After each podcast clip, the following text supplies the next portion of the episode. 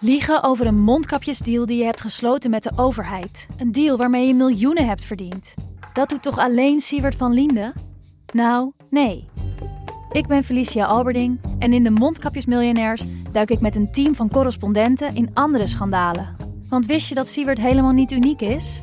Luister de Mondkapjesmiljonairs in je Podimo-app. Of ga naar podimo.nl slash mondkapjes. En probeer Podimo 30 dagen. podimo.nl slash mondkapjes. Deze podcast is 100% expertisevrij en alleen geschikt voor amusementsdoeleinden. De inhoud mag dus niet worden beschouwd als financieel advies. Dit is Jong Beleggen, de podcast. Ik ben Milou. En ik ben Pim. In deze aflevering hebben we het over activisme van aandeelhouders. Ja, die doen vaak flink wat stof opwaaien. Ja, moet je nou eigenlijk blij zijn met activistische mede-aandeelhouders? Of is het een garantie voor minder rendement? Nou, we duiken even in de geschiedenis en alle studies daarnaar. Mhm, En we zijn natuurlijk bewapend met voorbeelden.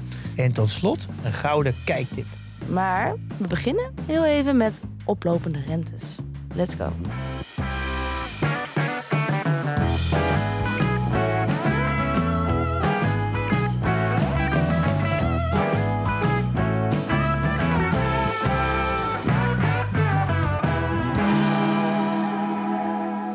Ja, actueel en bij de pinken als we altijd zijn. eh, wilde jij net nog even checken wat de Fed doet met de rente vlak voordat we begonnen? Ja, nou, dat weten we natuurlijk nog niet exact wat ze gaan doen. Maar eh, de verwachting is dat het iets meer verhoogd gaat worden dan, eh, dan van tevoren verwacht. Oh, dat kon er nog wel bij. Ook omdat het lijkt dat de inflatie niet helemaal naar beneden gaat. Maar dat is natuurlijk nu wel heel actueel. Maar ik denk dat er over het algemeen wel, een, ja, wel wat zorgen zijn in de wereld. Dat de inflatie maar niet, maar niet zakt. Ja, en dat de rente dan dus maar blijft stijgen. En we weten hoe belangrijk rente is.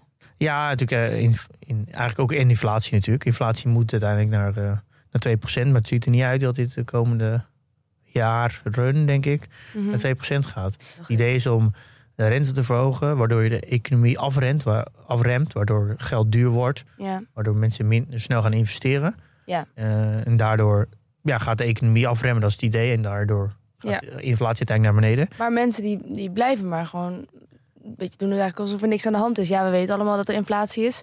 Maar het is nou niet per se dat ik me ook zorgen maak. Er is nog genoeg werk. Je denkt niet van, nou morgen lig ik op mijn gat. Nee, dat is natuurlijk het, eh, het gekke, de gekke situatie, als ik zover ik dat begreep, een beetje van het verweken met het verleden. Is dat er gewoon niet eerder een situatie is geweest waar de werkloosheid zo laag is en dat de inflatie zo hoog is. Dus het is natuurlijk een heel rare situatie. Ik weet niet of ik kan herinneren in 2008, een beetje rond die periode financiële crisis, dat iedereen wel iemand kende die zijn baan kwijt was en ook niet meer aan de baan kwam. Eh, en dat er mensen huizen wilden verkopen, maar het niet lukte. En eh, onder water stonden. En dan komt er op een gegeven moment een soort van angst in, in de samenleving terecht. Er komt angst in hoofden van... oké, nu eh, moet ik wel voorzichtig zijn. Want als ik mijn baan kwijt ben, dan kom ik straks niet meer aan baan. Dus ik, ik ga mijn uitgaven beperken. Die angst, die, die zorgen, die moeten de economie inkomen. Want dan gaan mensen hun- hun uitgaven letten. Ja. dat remt heel erg de inflatie. Maar nu, ik denk dat er over, nu over het algemeen leeft. Ik heb een baan. Nou, ik, ik heb morgen weer een baan. Dus Mhm. wat maakt het uit? Ik kan gewoon uitgeven. Want ik, eh, soort van de, de veiligheid op een inkomen is vrij hoog nu. En dat, Ja. dat werkt gewoon heel erg de inflatie. eh. Ja, dus dan kunnen ze wel lekker de rente blijven verhogen. Maar de inflatie die luistert eigenlijk niet. En die, die stijgt eigenlijk ook gewoon door. Nee, ja, en sterker nog, de inflatie gaat hard omhoog. En Ja. daardoor gaan nu alle vakbonden en alle personeel die zeggen... ja, eh, je hebt, eh, ik kan overal makkelijk, ik kan makkelijk wisselen van baan. Dus die gaat nu veel meer vragen om loonsverhoging. Ja. Wat natuurlijk weer zorgt voor nog meer inflatie. ja, dus dan krijg je dat loonsprijsspiraal. Dus we zitten in een eh, unieke situatie. En wat er eigenlijk dan moet gebeuren, is dat mensen begrijpen: ik moet minder uitgeven. Of nou ja, begrijpen, dat zullen ze niet gaan begrijpen. Ze zullen doen omdat ze het niet meer durven, of niet meer kunnen, of niet meer willen. Maar dan, is, dan zou je bijna zeggen: dan is het ervoor nodig dat mensen geen werk meer hebben. Nee, dit- Geen baanopties. Ja, eigenlijk is het beste om zo snel mogelijk de inflatie naar beneden te krijgen. Is doordat we eh, gewoon een heel, eigenlijk met z'n allen van een klif vallen. Waardoor, waardoor we gewoon consumptie remt. De angst die in de, in de markt, in de, in de hoofden komt. Ja. Is, is dat ook wel wat de vet eigenlijk dan probeert te doen? ja, als het de enige oplossing is. Nou ja, ik, ik denk dat ze de rente gewoon net als de ECB gewoon de rente blijven verhogen. Ja, Totdat- totdat het gebeurt. Totdat de inflatie naar beneden gaat. En jij niemand weet. En je hebt geen idee waar, daar, waar, waar het breekpunt ligt. Er zit natuurlijk ergens een maar het moet, het moet gebroken worden. Ja, en dat gaat natuurlijk eh, eerst eh, door de rente te gooien. Dan gaan bedrijven daar uiteindelijk last van krijgen. Want die kunnen moeilijk zich herfinancieren of überhaupt financieren. En daardoor gaan bedrijven gewoon krimpen of, Ja. of failliet. En dan gaan personeel dus, ja, die heeft geen baan meer. Ja. En zo moet dat effect steeds meer doorgaan. Ja, Eh, precies. er moet gewoon pijn worden geleden om die inflatie naar beneden te krijgen. Ja. En, en, en wat ik er zo opvallend vind, dat ik, je, je kent natuurlijk inflatie vanuit eh, zeggen de e- eh, economielessen van vroeger, Ja. ook op de basisschool al. Maar je, het, het was nooit een ding. Het, je wist wel letterlijk wat het was, maar je wist nooit echt hoe, belangrijk nou inflatie en wat de gevolgen van inflatie. En nu leren wij, onze generatie leert nu echt wel hoe pijnlijk inflatie is. Ja. Wat moet je daar nou mee? Uiteindelijk is er maar één manier dat je hier echt wat mee moet, is denk ik toch echt beleggen. Want Ja? nou ja, al wordt natuurlijk eh, een obligatie ook wel enigszins interessant. Alleen het probleem is dat die reële rente, dus eigenlijk je inflatie en je, je rendement eraf, dat dat dan in, nog steeds in de min is. Dus als de inflatie hoger is dan wat je op een obligatie krijgt, Ja. dan, dan neem je bijvoorbeeld genoegen met krimp. Ja. Dus dan, Iets minder dan mensen die niet beleggen misschien. Maar... ja, dan ga je bijvoorbeeld al, ja, dan weet je eigenlijk dat je sowieso verliest. Ja. En uiteindelijk komt de inflatie natuurlijk vanuit bedrijven. Want ja, die berekenen de prijzen door. Dus wat we de komende tijd denk ik wel gaan zien, dat is denk ik wel een van voordeel tussen haakjes voor beleggers, is dat ja, de, de omzet en zo gaan stijgen voor bedrijven. Ja. Dus de kans is aanzienlijk dat de komende jaren best wel een positief rendement gaan zien op aandelen. Hierdoor, door een, door een hoge inflatie. Nou, maar dat is wel echt Ik wil niet zeggen dat het eh, een, ook een reëel rendement is. Want ik wil niet zeggen dat de, de beurzen het beter doen dan de inflatie. Nee. Eh, maar de kans dat we nu de komende jaren hogere beurzen gaan zien, is aanzienlijk. Ja. Eh, want die inflatie die komt natuurlijk van bedrijven. En dat ga je dan ook in die beurskoers. Dat is dan wel echt heel slecht nieuws voor de mensen die niks extra's hebben en niet meer de boodschap. Nou, degene die dus en geen vermogen hebben, Ja, dus ook niet mee kunnen doen, eh, ja, die, gaan het, eh, die gaan het echt heel zwaar krijgen. Als je niet je verhoging in salaris krijgt of je uitkeringen niet voor, mee worden verhoogd met inflatie. En je hebt geen vermogen om ook nog mee te groeien, dan is het echt. of je doet er niks mee, je gaat op een spaarrekening voor mijn ING voor drie basispunten. Ja, dan gaat echt heel hard.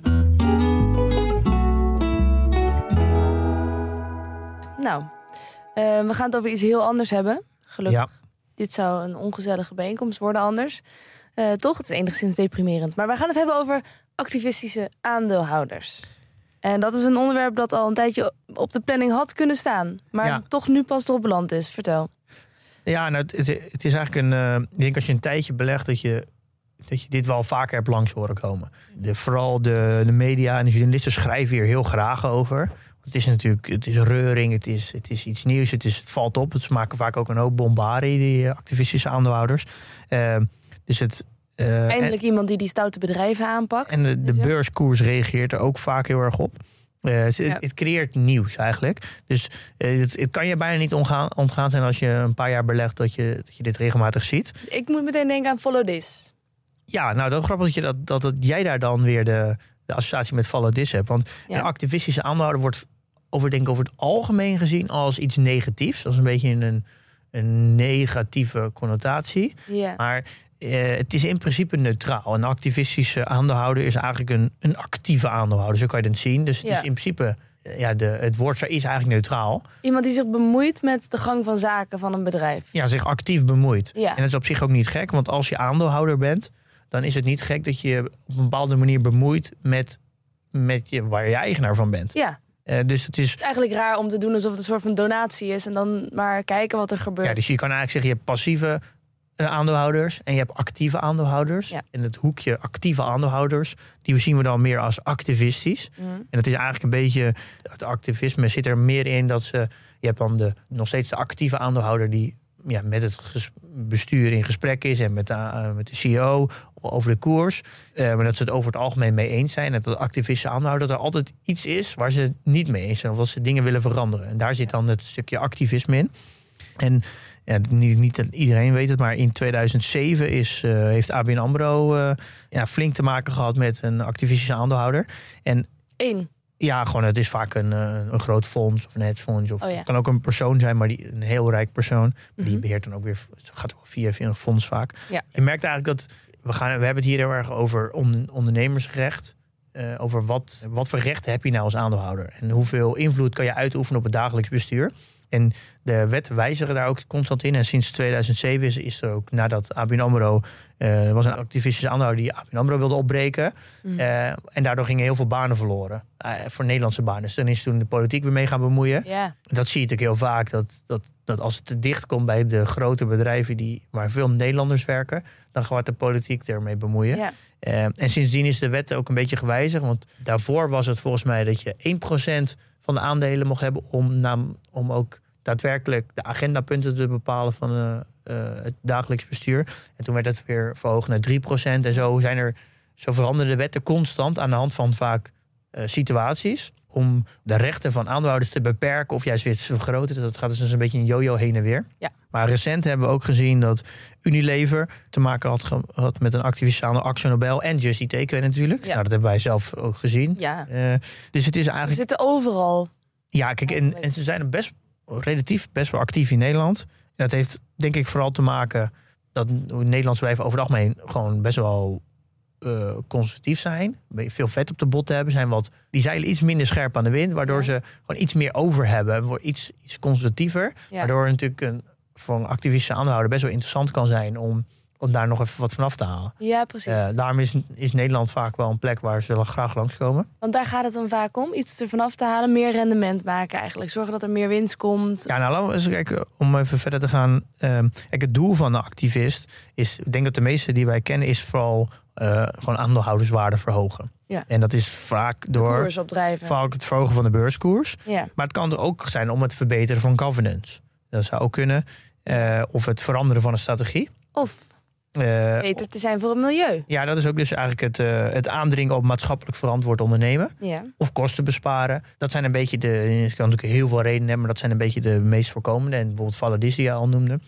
Dat is echt een activistische aandeelhouder die het heel erg de focus heeft op governance en op het milieu. En die Ja. zit heel erg te, te sturen op het Parijsakkoord. Ja. Daar kunnen we het zo nog wel even over hebben. Ja. Eh, Dat is bij Shell overigens. ja, maar bijvoorbeeld eh, Carl Icahn, dat is een hele bekende eh, Amerikaanse belegger die beheert volgens mij 18 miljard vermogen. Die heeft bijvoorbeeld bij McDonald's een paar aandelen gekocht en een soort van activistisch geworden en daar heel erg aangedrongen op een diervriendelijker beleid. Vooral voornamelijk voor varkens. En dat, dat zegt hij dan dat hij dat deed omdat dat het moest van zijn dochter. Maar hij gebruikt dus wel zijn aandelen om beleid te veranderen op een Ja. en dan heel erg in de hoek van diervriendelijkheid. Ja. Eh, dus je kan eh, een activistische aandeelhouder... Ja, het is niet te bestempelen of altijd maar eh geldgraaiers of zo. Je kan het Nee. natuurlijk voor alles gebruiken. En, en kunnen ze ook echt een verschil maken? Is het vaak dat ze echt effect hebben en een, een bedrijf kunnen duwen? Dat ligt natuurlijk een beetje aan, aan wie het doet en wat, ja, wat het doel is natuurlijk. Oh, ja, dat is misschien nog wel een goed punt. We hebben volgens mij Hot Money hebben we ooit getipt als podcast. Ja. Even je dat kan herinneren. Mhm. Over de, de porno-industrie. Ja. Dat een eh, journalist van de Financial Times. En daar kwam ook eh, Bill Ackman in voor. De grote Amerikaanse belegger. Die ging ze druk uitoefenen op eh, Mastercard. Om bepaalde betalingen in die industrie te blokkeren. Te reguleren. Ja. En hij is aandeelhouder van Mastercard. En heeft dus eigenlijk ja, zijn aandelen gebruikt om beleid bij Mastercard aan te passen. Ja. Om heel gericht een bepaalde sector pijn te doen. Omdat het was daar een schandaal met een, eh, Ja. een minderjarig kind die. eh, waar volgens mij eh, fotomateriaal werd verspreid op bepaalde websites. Mhm. Dus dat is dus ook een voorbeeld, een ja, voorbeeld van activisme waar een aandeelhouder dus zich bewust gaat bemoeien Ja. om beleid te veranderen, om een strategie, ja, om een bepaalde soort van dagelijks bestuur te beïnvloeden, om keuzes te maken. Ja. En je hebt er natuurlijk verschillende middelen voor. Het is vaak zo dat een, een activistische aandeelhouder zich eerst gaat bemoeien, of gewoon, of gewoon in gesprek eigenlijk. Is Ja. beter woord, in gesprek met, eh, met gewoon het management. En vaak zie je als daar niet naar geluisterd wordt, of ja, het stroopt een beetje, het, het voelt niet goed, dan gaan, hebben ze langzaam meerdere middelen om meer druk uit te oefenen. Ja, ja, ja. Eh, dus het begint eigenlijk, daar begint het eigenlijk een beetje mee. Dat is ook wel zo netjes om gewoon in eerste instantie gewoon het gesprek aan te gaan. Ja. Eh, Want dan krijg je misschien ook wel meer gedaan en dan gaat het tenminste nog in vrede. Maar Ja. als het niet, niet geluisterd wordt, dan komen de messen uit de kast. Ja, en dan gaan ze natuurlijk druk uitoefenen. Dat kan bijvoorbeeld door een aandeelhoudersresolutie. Ja, dat is eigenlijk dat je op de jaarvergadering agendapunten gaat aandragen. Oh ja. En dat ligt een beetje aan het land. Het is een beetje tussen de 1 en de 3 procent dat je moet bezitten om dat te kunnen doen. Oké, dus er is wel een grens aan. Ik kan niet als eh, aandeelhouder van Just Eat Takeaway inderdaad een agendapunt aanvragen. Nee, je moet, er zijn wel bepaalde voordelen. Of, eh, je kan wel vragen stellen. Ja, op de aandeelhoudersvergadering. Maar om echt agendapunten aan te dragen heb je een bepaalde ja, eh, percentage nodig. En lobbyen is natuurlijk een hele bekende. Dat je ja, gewoon bepaalde invloedrijke mensen druk laat uitoefenen op het management. Nou, ik denk de meest bekende is openbare druk. En daar wordt ook vaak over geschreven. Dan sturen Oh, ga je de media erbij betrekken? ja, dan sturen ze een, een openbare brief. Ja, Vaak is dat een eh, pdf die ze dan op een website zetten. ja. En dan natuurlijk heel veel, dat heel veel naar, naar journalisten sturen.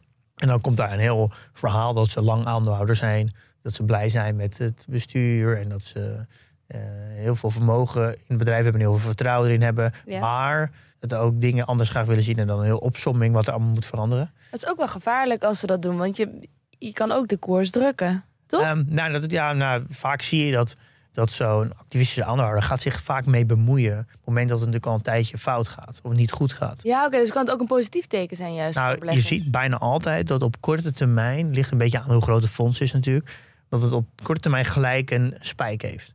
Eh, een, een- vaak een spijk omhoog. Eh, want Mhm. Het zijn vaak aandelen wat al lang blijft liggen of dat de koers verder gezakt is.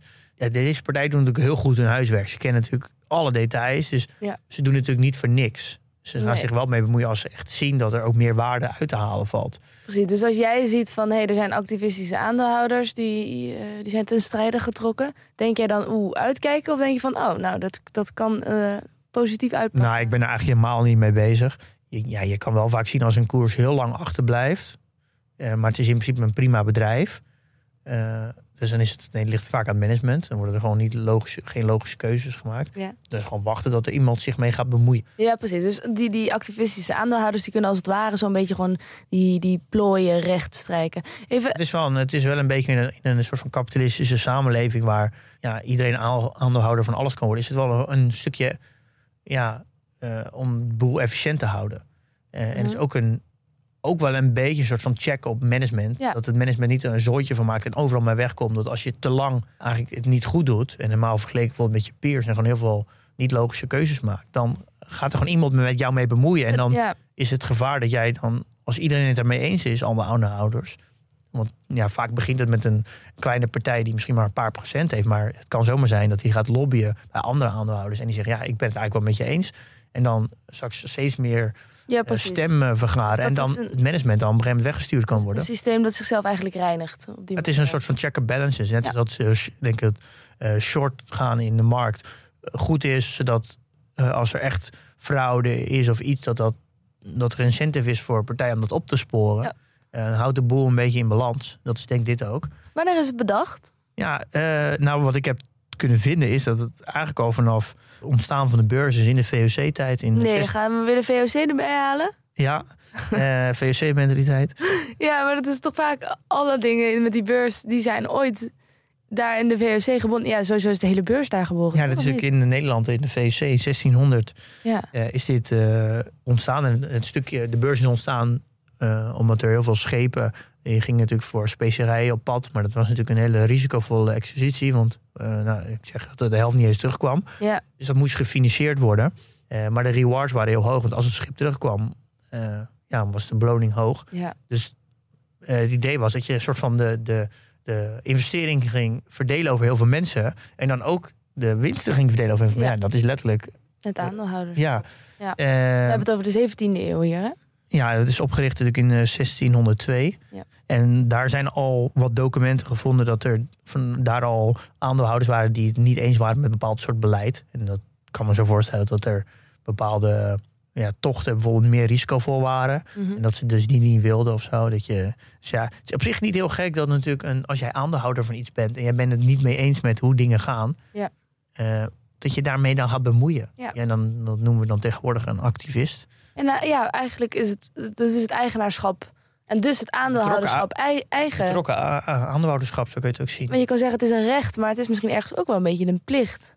Om je betrokken te voelen bij een, een bedrijf wat je voor een, een deel bezit. Ik bedoel, je, je gaat ook niet zomaar een dochter uit het buitenland adopteren zonder te bewijzen dat je verantwoordelijkheid kan Nou, het is, je- dat zeg je een goed punt. Eigenlijk het zou goed zijn als iedereen zich iets meer verantwoordelijk gedraagt. Alleen omdat we natuurlijk ja, voor de meeste mensen hebben we Ja, zo het percentage zo klein, waardoor het gewoon, gewoon Ja. nul zin heeft. En ook niet naast te doen is. Nee, Ehm, precies. Nee, dus het is ja. gelukkig geen plicht. Maar het is, eh, er is niks vies aan, laten we Ja, maar je mag zeggen. wel stemmen. Dus dat is wel een ding. Ja. Dus als er aandeelhouders zijn die zich actief bemoeien, kan je wel. Met hen meestemmen. Ja. Ja. En je ziet ook dat er, dat als het allemaal niet lukt, na openbare druk, dat er activisten zijn die een rechtszaak gaan aanspannen. En dat is dus bij Axo Nobel gebeurd. Eh Nederlands, eh, de weet je, chemie verfconcern. Daar eh, heeft voor mij Elliot was dat. Die is eh, zelfs naar de rechter gegaan om. eh, die wilde dwingen dat de overname door PPG door werd gezet. Mhm. En die zijn dus zelfs naar, naar de rechter gegaan. Uiteindelijk hebben ze dat verloren. Maar dat, dan heeft het misschien ook wel een negatief effect. Want dan, moet het dus, dan wordt er heel veel energie en, en geld besteed door de organisatie om dan die rechtszaak aan te vechten. Dus het is, zorgt voor heel veel afleiding op korte termijn. Dus ik weet niet Ja. of dat heel positief maar dat zie je dus ook wel. Ja. Al zie je dat wel steeds minder vaker, want het is natuurlijk voor een activistische aanhouder, je maakt je daardoor niet populair.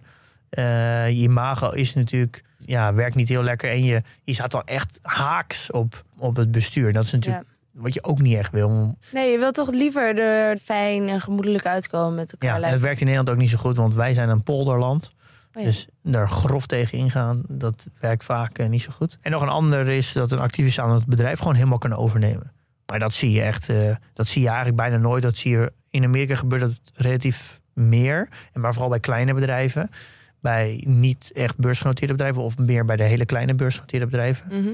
Maar het is natuurlijk niet te doen bij de echte grote fondsen. Dus dat, dat zien we niet zo, eh, niet zo heel veel. Maar dat is natuurlijk ook een mogelijkheid. En je zei al voor gewone beleggers zoals jij en ik, eh, zo'n, als we weten van er zijn activistische aandeelhouders aan de gang, dan levert het op korte termijn dus een, een soort spike op, zo noemde jij het. Dus de, de koers gaat even omhoog.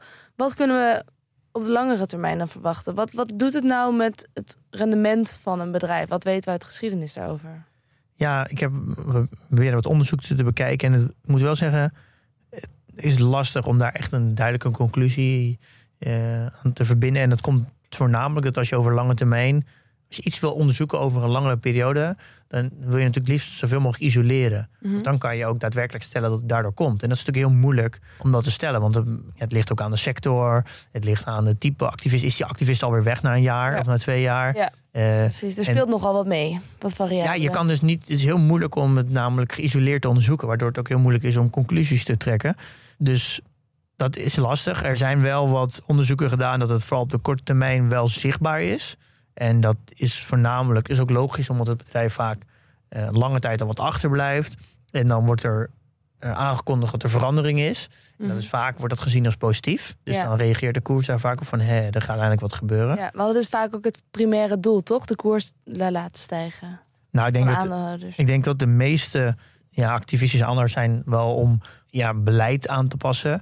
En vaak natuurlijk eigenlijk beleid om het bedrijf beter te runnen. En als het bedrijf beter gerund wordt, gaat, heeft het natuurlijk ook effect op de, op de winsten. En daardoor ook op de koers. Want de Ja. koers voor, volgen de winsten. Dus Maar we hebben het ook wel eens over dat soms als er zoveel bemoeienis is, er is vaak te veel nadruk op het eh, opdrijven van die koers. Terwijl je ook zou kunnen zeggen van je moet even wat geduld hebben en vertrouwen hebben in het management. Het- Er, er is wel, het is niet, niet altijd zo zwart. nou, nee, maar ik denk daar ligt natuurlijk heel erg het balans van. En ook een beetje naar je- hoe je ernaar kijkt. Als je bijvoorbeeld naar Justy Takeaway kijkt, daar was dan de activist eh, Catwalk onder andere. Ja. ja, die vond heel erg dat Quarp verkocht moest worden. En dat er de verlieslatende onderdelen, bijvoorbeeld eh, Australië eh, en Nieuw-Zeeland, afgestoten, verkocht Ja. moesten worden. Omdat, Dus dat niet in de, het, ja. omdat dat niet in de core hoort en het zit in een andere eh, tijdzone. Dus dat is heel lastig te managen. Ja. Zij Ja. zeggen, neem je verlies, je hebt een foute keuze gemaakt. Ja, en gaan de twee landen die, die eigenlijk best wel onhandig zijn om te managen en ook, niet, en ook nog eens verlies laten zijn, gaan dat ook verkopen. Ja. Dus ja, dan kan je zeggen, ja, laat het management gewoon zijn ding doen. Maar je kan ook zeggen, ja, oh, ja daar ben ik het eigenlijk wel mee eens. Dus de management moet daar veel meer op gecorrigeerd worden. Dus het is, het, is net een beetje ook met welke bril je er natuurlijk naar, naar kijkt. Ja, ja, als je toen met de managementbril had gekeken, dus eh, vanuit, eh, vanuit Jitsen, want wij zaten erbij en wij konden dat een beetje. Toen merkte hij wel van, hij zag het duidelijk echt anders. Hij, hij vond van, nee, dat gaan, moeten we nog volgens mij helemaal niet doen. Ja, dus ik vind het niet zozeer slecht dat, dat Alexander Captain ermee gaat bemoeien. En het management prikkelt om met voorstellen te komen wat ook, wat je, dat het anders kan. Mhm. En hij deed het op een hele nette manier, vond ik. Ja, hij wel. Eh, ja, maar, ja, dus, maar het is toch, dat is ook een balans. Toch? Het is toch juist die, dat gesprek wat denk ik heel goed is. Ja. Eh, waardoor je dus ook het management scherp houdt. Dat Ja. ook realiseert van ja, ik kan niet zomaar, ik kom niet met elke keuze weg. Nee, Dus- precies. Ik denk dat het heel positief is. Alleen, Het dwingt je om kritisch te kijken ook naar je eigen werk, wat je doet en elkaar beter te begrijpen. Ook. en dat je ook eh, scherp wordt gehouden door aandeelhouders. Ja. Dus het is niet, niet altijd slecht. Het is natuurlijk een beetje per situatie anders wa- wat het doel is en wat de middelen, wat precies de middelen zijn en wie Ja. dan de slachtoffers zijn natuurlijk. Want als je het bijvoorbeeld helemaal gaat over opsplitsen van bedrijven om in, in een soort van helemaal uit elkaar trekken en alle onderdelen los verkopen, ja, dan denk ik ja, is dat nou echt op lange termijn beter? Nee, waarschijnlijk niet, want het bedrijf helpt je om zeep. Ja, dus dat is Ja. natuurlijk een heel ander verhaal dan als je, eh, als je gewoon mee wilt.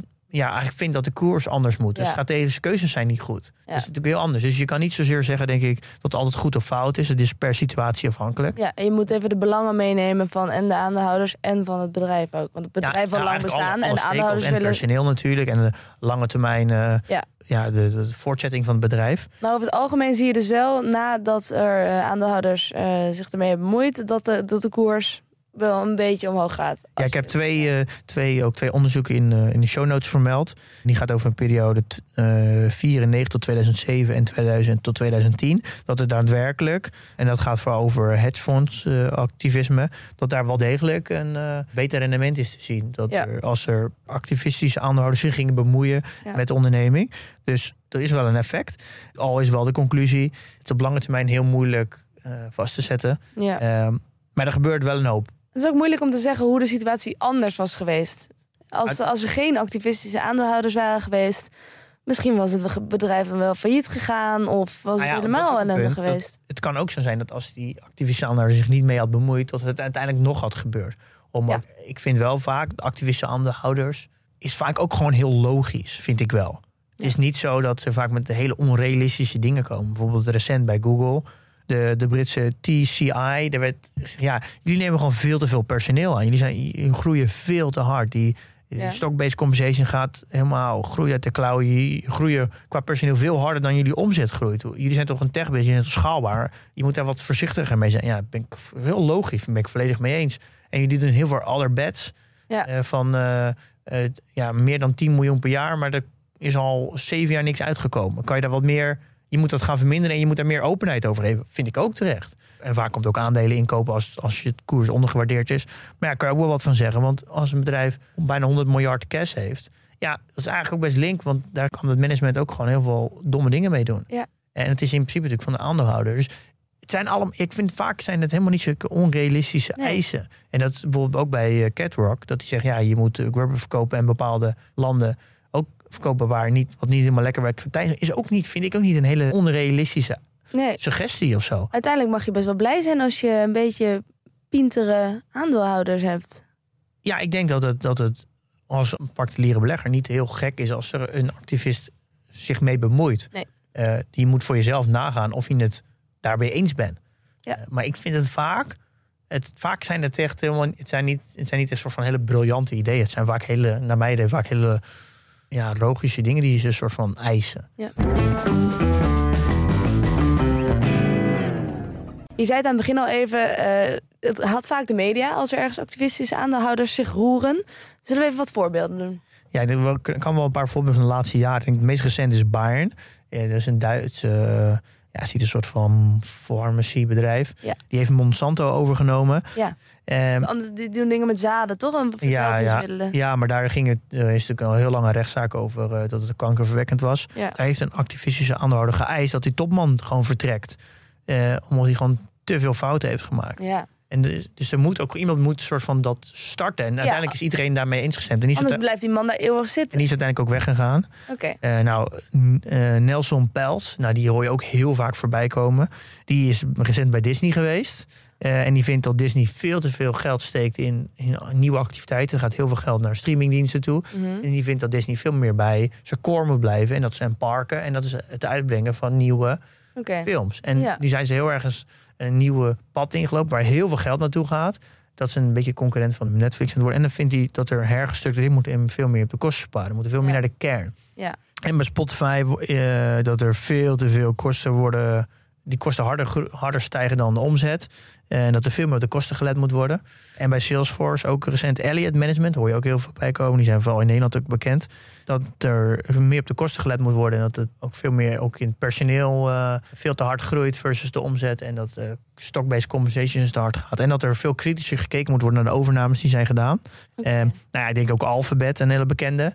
Waar we net al noemden, de, de Britse TCI. Mhm. En dat er, nou, wat ik net al zei, dat het veel te, ook met personeel en kosten besparen. Nou, Meta is ook natuurlijk eh voer voor activistische aanhouden, omdat er veel te veel geld gaat naar, eh, naar de metaverse. En Ja, ook ja, veel te hard groeit qua personeel. Dus eh, ze gaan het meest zitten op die geldstromen en waar wordt er veel uitgegeven. En waar Eh, als er echt heel veel geld binnenkomt, wordt mensen met ook vaak heel lui. ja. En denk je van, oh, we hebben toch genoeg. Ja, dus daar gaan, daar gaan activistische aanhouders op zitten om het management meer, ja, niet echt te, ja, te corrigeren, maar ook een beetje een halt toe te roepen. Ja. Eh, en ik doe een eh, Shell in 2021.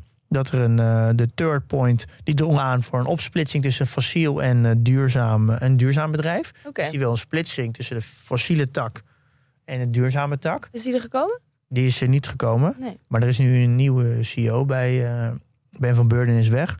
En Ja. eh, voor mij een Canadees. En die is toch wel echt heel erg aan het flirten om eh, Shell naar Amerika te brengen. Oh. Eh, omdat het in Europa best moeilijk is met oliebedrijven heel erg onder druk liggen. En de waarderingen gewoon de helft lager liggen dan in Amerika. Kun je daar ook activistisch over doen als aandeelhouder? Ja, als, als natuurlijk alle aandeelhouders vinden Dat het dat, het, dat naar Amerika moet gaan, ja, dan, dan gaat het naar Amerika. Net als dat het, de aandeelhouders hebben gestemd dat het naar, naar Engeland gaat, gaat het naar Engeland. Ja, Uiteindelijk zijn bedrijven... aandeelhouders zijn de baas. Ja, kijk, zo werkt het. Ja. En dat is ook, zo hoort het ook. Ja. Eh, het zou wel wezen dat in één keer iemand anders die geen aandeelhouder is gaat bepalen wat ermee gebeurt. Ja. Dat is een beetje hetzelfde als je zegt, ja, ik ben eh, eigenaar van de. Ik heb een bakkerszaak en, ik, en iemand anders gaat bepalen wat met mijn bakker gebeurt. Het kan wel heel raar zijn. Ja. Ja. Eh, die tafereelen zien we natuurlijk wel in, eh, in China. En, en Ahold heeft ook gehad met Elliott Management. Die vond dat eh Bob.com naar de beurs moest. Oh, Eh, omdat daar, eh, Ja. ja. dat, die wordt niet in de huidige, ja, in, de, in de huidige waardering zit, wordt Bob.com vergeten. Dus dat moet er naar de beurs om die waarde te unlocken.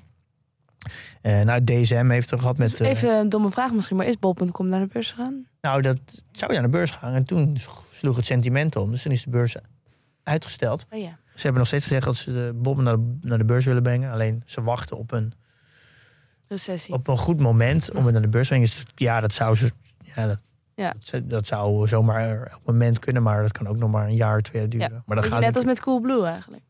exact hetzelfde. In principe is het natuurlijk ook hetzelfde type bedrijf. Ja, ja. Eh, Oké. Verder nog een leuke, ja, voorbeelden? ik denk eh, DSM is een hele bekende ook, waar de, de, de materialentak eh, verkocht moest worden. Dat hadden aandeelhouders bepaald. Ja, er was een activist, de Ocean Wood, die dat wilde. Dat is uiteindelijk ook gebeurd. Ik moet ook wel zeggen dat soms zijn dingen die zijn zo logisch dat het management eigenlijk ook die stap ook wil doen. Alleen dat het nog niet, nog niet naar buiten is gebracht. En dan komt er een activist aanhouder die zegt dat dat moet gebeuren. Ja. En vaak ge- gebeurt, soms gebeurt dat dan ook. En dan denk ik, ja, dat, soms moeten alle credits ook niet naar activistische aanhouders gaan. Nee. Want 9 van 10 keer zijn het ook gewoon logische keuzes. En om dan een stukje naar misschien het meer ja, positieve activisme te gaan. Naar mijn idee is Follow This echt een, het beste voorbeeld hoe je vermogen inzet om dingen te veranderen. Vind ik persoonlijk hoor. Is dat, dat is een fantastisch voorbeeld. Eh, Mark van Baal, eh, die heeft een, eh, ja, een soort van beweging opgericht. Zijn gedachte erachter is dat als je bedrijven wil veranderen, dat kan je alleen doen als je aandeelhouder bent. Dat is ook in principe ook een hele logische gedachte. Want als je aandeelhouder bent, mag jij bepalen wat er met het bedrijf gebeurt. Ja. Dus heeft bedacht, ik koop gewoon aandelen van het bedrijf. En ik, en ik ga gewoon heel veel mensen vragen om ook aandelen te kopen. En dan eh, de stemrecht aan mij te geven. Zo is het gegaan. Ja, dat is, zo is het een beetje gegroeid. En volgens mij eh, zitten ze nu, ik weet niet, ik weet niet exact, maar eh, ik weet eigenlijk helemaal niet. Maar ze zitten er, volgens mij ergens net onder de 50%. Nog zeg tegen ze de 30 en de 50% Oh, dat de is niet gek. Wauw. En dat, dat groeit echt van een paar procent elk jaar meer naar nu naar best wel serieuze aantallen, tientallen procenten. Dus Maar dan moet die Mark van Baal bijna als een soort politicus te werk zijn gegaan. Een lobbyen voor de goede zaak. En Ja, dat doet eh, hij ook. je bij me. Ja, En, ja, die komt ook met hele uitgebreide voorstellen over wat Shell moet gaan doen. En dat, ja, dat gaat, het ziet er naar uit dat als hij dit door blijft zetten de komende jaren, dat hij gewoon een keer gewoon een meerderheid van de stemmen gaat krijgen. En dat Shell dan dus letterlijk verplicht is om dat beleid te gaan te uitvoeren. Want maken. Ja. omdat de meerderheid die hierop stemt. En die- dat beleid dat zit dan vooral op duurzaamheid. Hè? Dus de die- draai naar Ja, je kan op weg de, van fossiele energie eigenlijk. Nou, nee, hij eh, zegt eigenlijk dat er, dat er gehouden moet worden aan het Parijsakkoord. En dat Shell in, in de lijn van het Parijsakkoord met zijn bedrijf moet runnen. Ja. Eh, op de website van Validis kan je alles lezen. Je kan volgens mij ook, als je aandelen Shell hebt, ook volgens mij je stemmen aan hem geven. Eh, kan, kan hij dat gebruiken. Ja.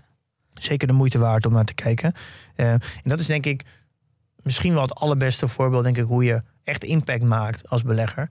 En bijvoorbeeld eh, het pensioenfonds ABP is natuurlijk uit Shell gestapt. Ja. En ik denk dat dat juist een heel groot verlies is. Want je, ja, je kan als zo'n grote, zo'n groot pensioenfonds, volgens mij kan je Ja. beter aandelen Shell houden en dan al die aandelen aan of meestemmen met, met Follow This. Dat je denk ik veel meer impact maakt dan de Ja. benen pakken en weglopen. Ja, want dat is het vaak. Hè. Er, wordt, er wordt bijna vanuit gegaan dat met de keuze die je maakt voor het bedrijf waar je in wil beleggen, dat dat al een, een belangrijke stem is in hoe jij wil dat de toekomst eruit ziet. Dus we denken, we zijn duurzaam aan het beleggen, want ik heb twee aandelen in een, eh, een duurzame ETF, bijvoorbeeld. Eh, maar je kan natuurlijk op veel meer manieren, en misschien wel veel effectievere manieren, daadwerkelijk impact maken. Ook al is het dan een vies bedrijf. Want Shell is op zich En een vies ja, je zou bijna kunnen zeggen dat eh, als je aandelen koopt van een bedrijf wat al goed is, is jouw impact in principe niks. Eh, niet echt iets, want eh, ja, je, het bedrijf doet het al goed. Dus Ja. je, Je doet gewoon mee. ja, en als je dan ook nog eens een aandeel, als je dan je koopt een aandeel van iemand anders, dus als je een aandeel koopt van iemand die het niet interesseert. En jij koopt dan een aandeel van een bedrijf wat heel goed is. Dan heb je eigenlijk een aandeelhouder dat het niet uitmaakt. Weggehaald bij een goed bedrijf. En dan ben je iemand die het heel belangrijk vindt. eigen- Eigenaar geworden van een goed bedrijf. Maar dan is de impact eigenlijk misschien Ja. zelfs negatief. Ja. Eh, Maar, maar hoe, hoe moet ik dat krachtenveld nou zien? Dus bijvoorbeeld tussen de Mark van Baal en de nieuwe CEO van Shell. Is zo'n CEO en de vorige CEO, was hij blij met zo'n Mark van Baal? ehm, ik Of denk, denkt hij elke keer, oh jee, ze hebben weer een paar nieuwe aandelen erbij? ja, dat is goed. Dat, ja, ze zullen denk ik publiekelijk zeggen dat ze het heel goed vinden dat er een dialoog is. En dat er, maar ik denk dat, dat het voor een CEO onwijs moeilijk is om met, met Valladis om te gaan. Ja, Omdat je namelijk extreem in een spagaat gaat zitten. want als ze het allemaal zo goed vinden... dan kunnen ze net zo die Mark van Baal opnemen in het bedrijf... en hem eh, chief operations of weet ik veel wat maken. Nee, maar je hebt juist een soort van oppositie nodig. natuurlijk. Ja, dat heb je nodig, maar dat, daar is die Nou ja, wat CEO ik denk wel, ik denk wel dat Shell ziet natuurlijk wel dat die groep die met Valladis meestemt steeds groter wordt. Dus zij moeten dus ook hun eigen beleid meer in lijn gaan leggen van dat van Valladis. Om uit die kap weer stemmen weg te halen van. eh, want volgens mij hebben ze bij de recente aandeelhoudersvergadering gezegd... Ja, wij stem tegen voorstellen van Valladis. Stem op onze voorstellen, die zijn in, ongeveer in lijn hetzelfde. Alleen dan hebben, Ja. zijn het onze ideeën. Ja. Dus ik denk wel op lange termijn dat dit de allerbeste manier is om... Ja. Eh, en ik denk dat daarom is Shell denk ik ook een van de eh, meest duurzame eh, energieconcerns in de wereld. Ja. Eh, vergeleken met alle andere oliemajors, denk ik. Juist omdat Valladis daar zit. En jij bent kritisch op ABP. Ze zeggen van ja, als je eruit stapt, heb je geen, nou geen aandeel meer. En dan heb je dus ook geen stem meer en dus geen invloed. Eh, zou je ook zover willen gaan dan, dan vinden dat ABP dan een beetje lui is eigenlijk in die zin? Want blijkbaar hebben ze er gewoon geen zin in. Ja, je weet natuurlijk niet nooit precies wat er, wat er echt heeft plaatsgevonden. Zij, maatschappelijke druk? Nou ja, ze- ja, maar zij zeggen dat, dat ze jarenlang hebben geprobeerd om het gesprek aan te gaan. En dat het, dat het geen effect heeft gehad. Dus nu kiezen ze voor de benen. Hm. Ehm, ja, dat kan ik, dat kan ik niet zo goed inschatten Nee, natuurlijk. Al denk ik wel dat de komende tien jaar je veel meer effect gaat bereiken met gesprek dan tien jaar geleden. Omdat ook maatschappelijk de druk steeds groter wordt. Ja. Overal, dat zie je, ja. Ja, het is, ik, ik, kan, ik vind het moeilijk te zeggen. Ja, snap ik. kan me ook wel voorstellen dat als je een soort van peiling doet onder al je, onder een groot gedeelte van je, ja, van je ja, zeg het, pensioengerechtigen. Ja. Vind je het oké dat we in Shell beleggen? Dat heel veel mensen zeggen dan nee, denk ik. Maar ja, Nee, want daar, wordt heel, daar is veel om te doen ook, het is ook een beetje hoe je die vraag stelt natuurlijk. En hoe Maar- goed je mensen informeert over wat dat betekent. Ja. Even op die trend dan doorgaan. Wat nu zo opvalt is dat iedereen voor is om in wapens te investeren. En iedereen wil dat we meer, meer munitie, meer, meer tanks, meer systemen allemaal naar Oekraïne sturen. Want ja, de grote oorlog en we moeten democratie kost wat kost beschermen. Maar waar, is dan, waar zijn die mensen die vonden dat wapens uit een boze waren? Ja, maar het heeft natuurlijk mee te maken dat, dat eh, gewoon dus de, de, de mening van de massa is natuurlijk heel flinterdun. Dat is vaak nooit echt doordacht. Dat is, dat is, gewoon, eh, is gewoon sentiment. Ja, dat is heel, het is heel licht. Het is heel licht onderbouwd. Dus eh, dat betekent automatisch dat als er een grote gebeurtenis plaatsvindt en als een mening heel flinterdun is, dat je ook heel makkelijk de, de, collectieve mening kan Ja, veranderen. dat schuift. Nee, dat schrijft helemaal, omdat het namelijk, het, het is niet berust op, een, op goede feiten en goede kennis. Of, of een goede Dus- inborst. Het is allemaal zo oppervlakkig. Ja, maar dat is de, de mening van de massa is altijd Ja, Maar ik oppervlakkig. vind dat zo. Wat zouden die mensen nu denken over zichzelf? Want het is zo Nou, die denken denk ik niet zoveel, omdat het de, de mening al Ja. heel dun was. Dus het, het verschil tussen ja en nee is flinterdun. Opeens wil iedereen oorlog. Ja, wapens, meer wapens. Ja, maar het is ook logisch dat als het. eh, er is gewoon een hele grote groep mensen die heeft gewoon geen oorlog gekend op ons continent. En dan in één keer komt het dichtbij. En dan ga je daar een andere mening over hebben. Ja. Net zoals dat, dat bezuinigingen altijd bij de defensie moesten zijn. En nu in één keer niet. Ja, als het dichtbij komt. Maar Ja. dat is precies hetzelfde dat als er jarenlang geen overstroming is, dan is het geld aange- eh, uitgeven aan eh, verhogen van dijken. Waarom En zouden we dat doen? Ja, totdat er een overstroming is. En dan in één keer is het prioriteit nummer één. Ja, nee, Eh, dat is ook helemaal zo. Ja, zo werkt het natuurlijk ook eh, een beetje. Het collectieve geheugen is vooral heel recent. Ik vind dat heel interessant om te zien. Maar goed, dat is misschien een andere podcast.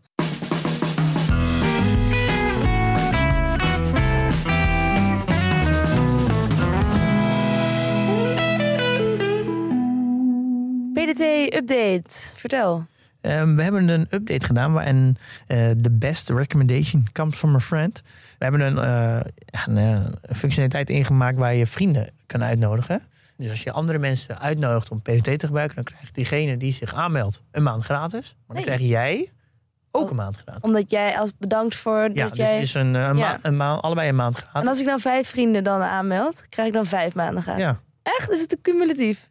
Ja. Oh, mooi zeg. Dus je zou in theorie zou je PDT altijd gratis kunnen gebruiken. ja, als je, de genoeg, als je die- genoeg vrienden hebt. Voor de mensen die eh, ooit geklaagd hebben dat 5 euro te veel is. Dit is je kans om eh, de kosten te drukken. Dan moet je vrienden uitnodigen. Ja, Ehm, oh, nou, leuk idee. En dan is natuurlijk gelijk de mogelijkheid eh, om elkaar te volgen. Hè, als, je, als je toch vrienden uitnodigt. Ja. Dan kan je elkaar portfolio volgen. Ah, ja. We hebben nog een andere paar kleine updates gedaan. Nou, die moet je misschien maar even op de, in de show notes lezen als je daar geïnteresseerd in bent. Ja. Eh, dat je, we ondersteunen ook stocksplits en I, I, eh, deden we al, maar ook ISIN-wijzigingen en meerdere corporate actions en beurswijzigingen. Dus we hebben weer ja, de, de datastructuur nog meer verbeterd. Mooi.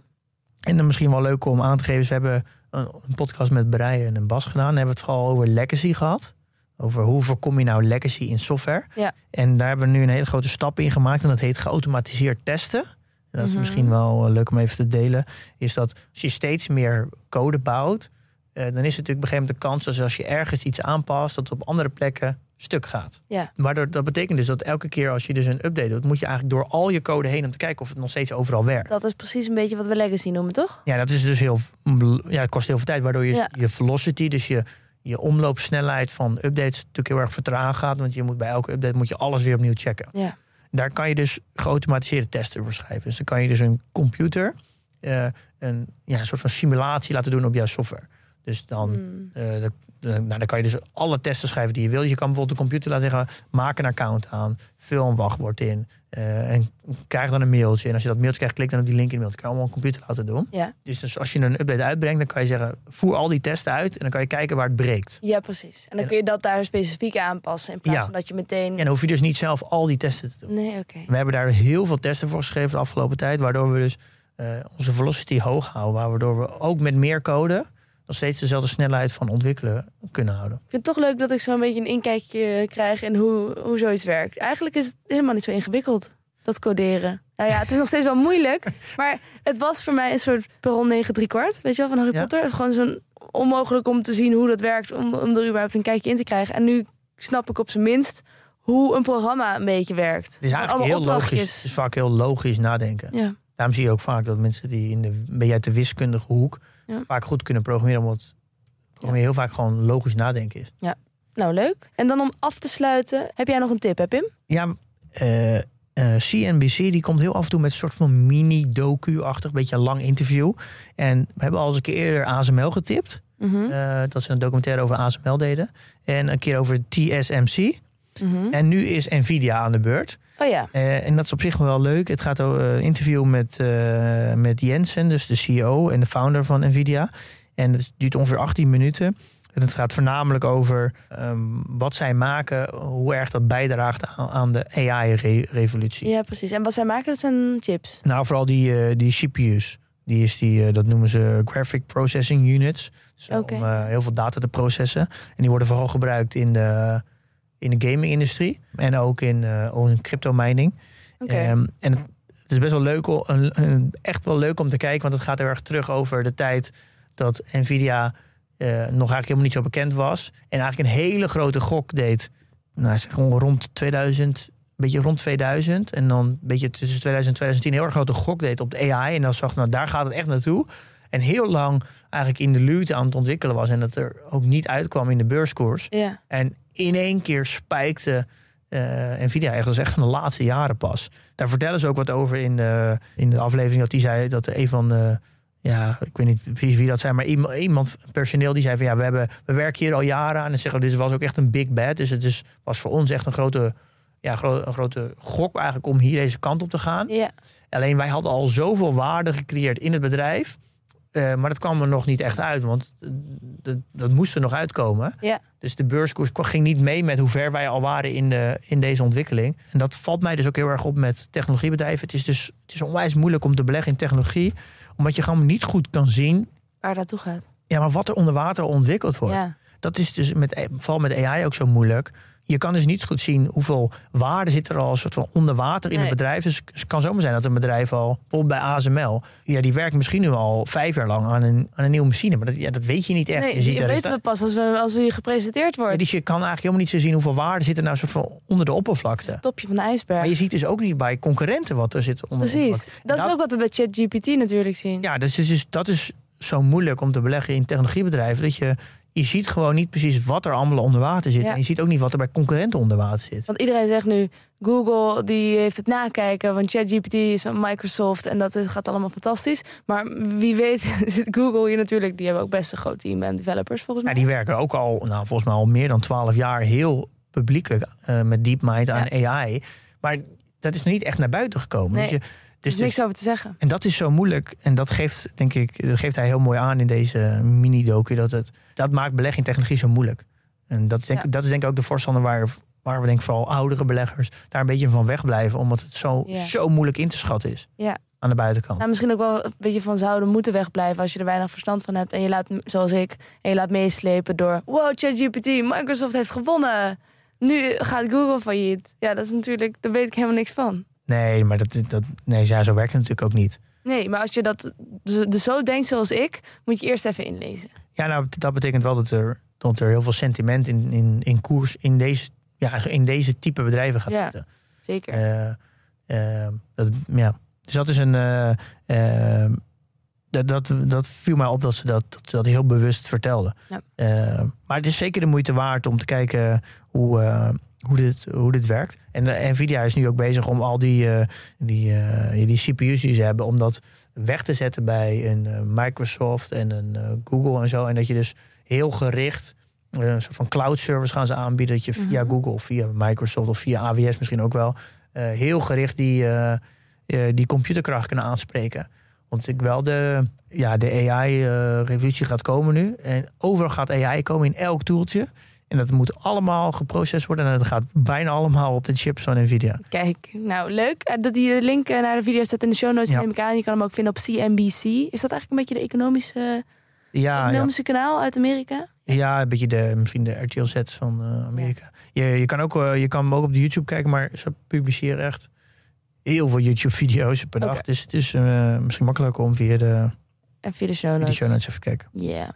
Eh, goed, volgende week hebben we een nieuwe personage in de serie Grote Beleggers. Pim, vertel.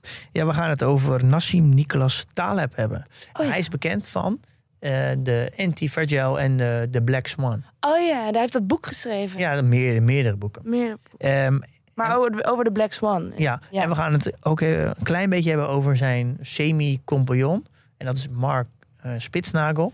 En het zitten allebei een beetje in dezelfde hoek. En het gaat, ze gaan- hebben het vooral over, over randomness en risico. En eh, eh, risico in de staart en zo. Dus Leuk. daar gaan we het hebben. Hoe oud is deze man? Is hij ook weer 99? Nee, nee, nee.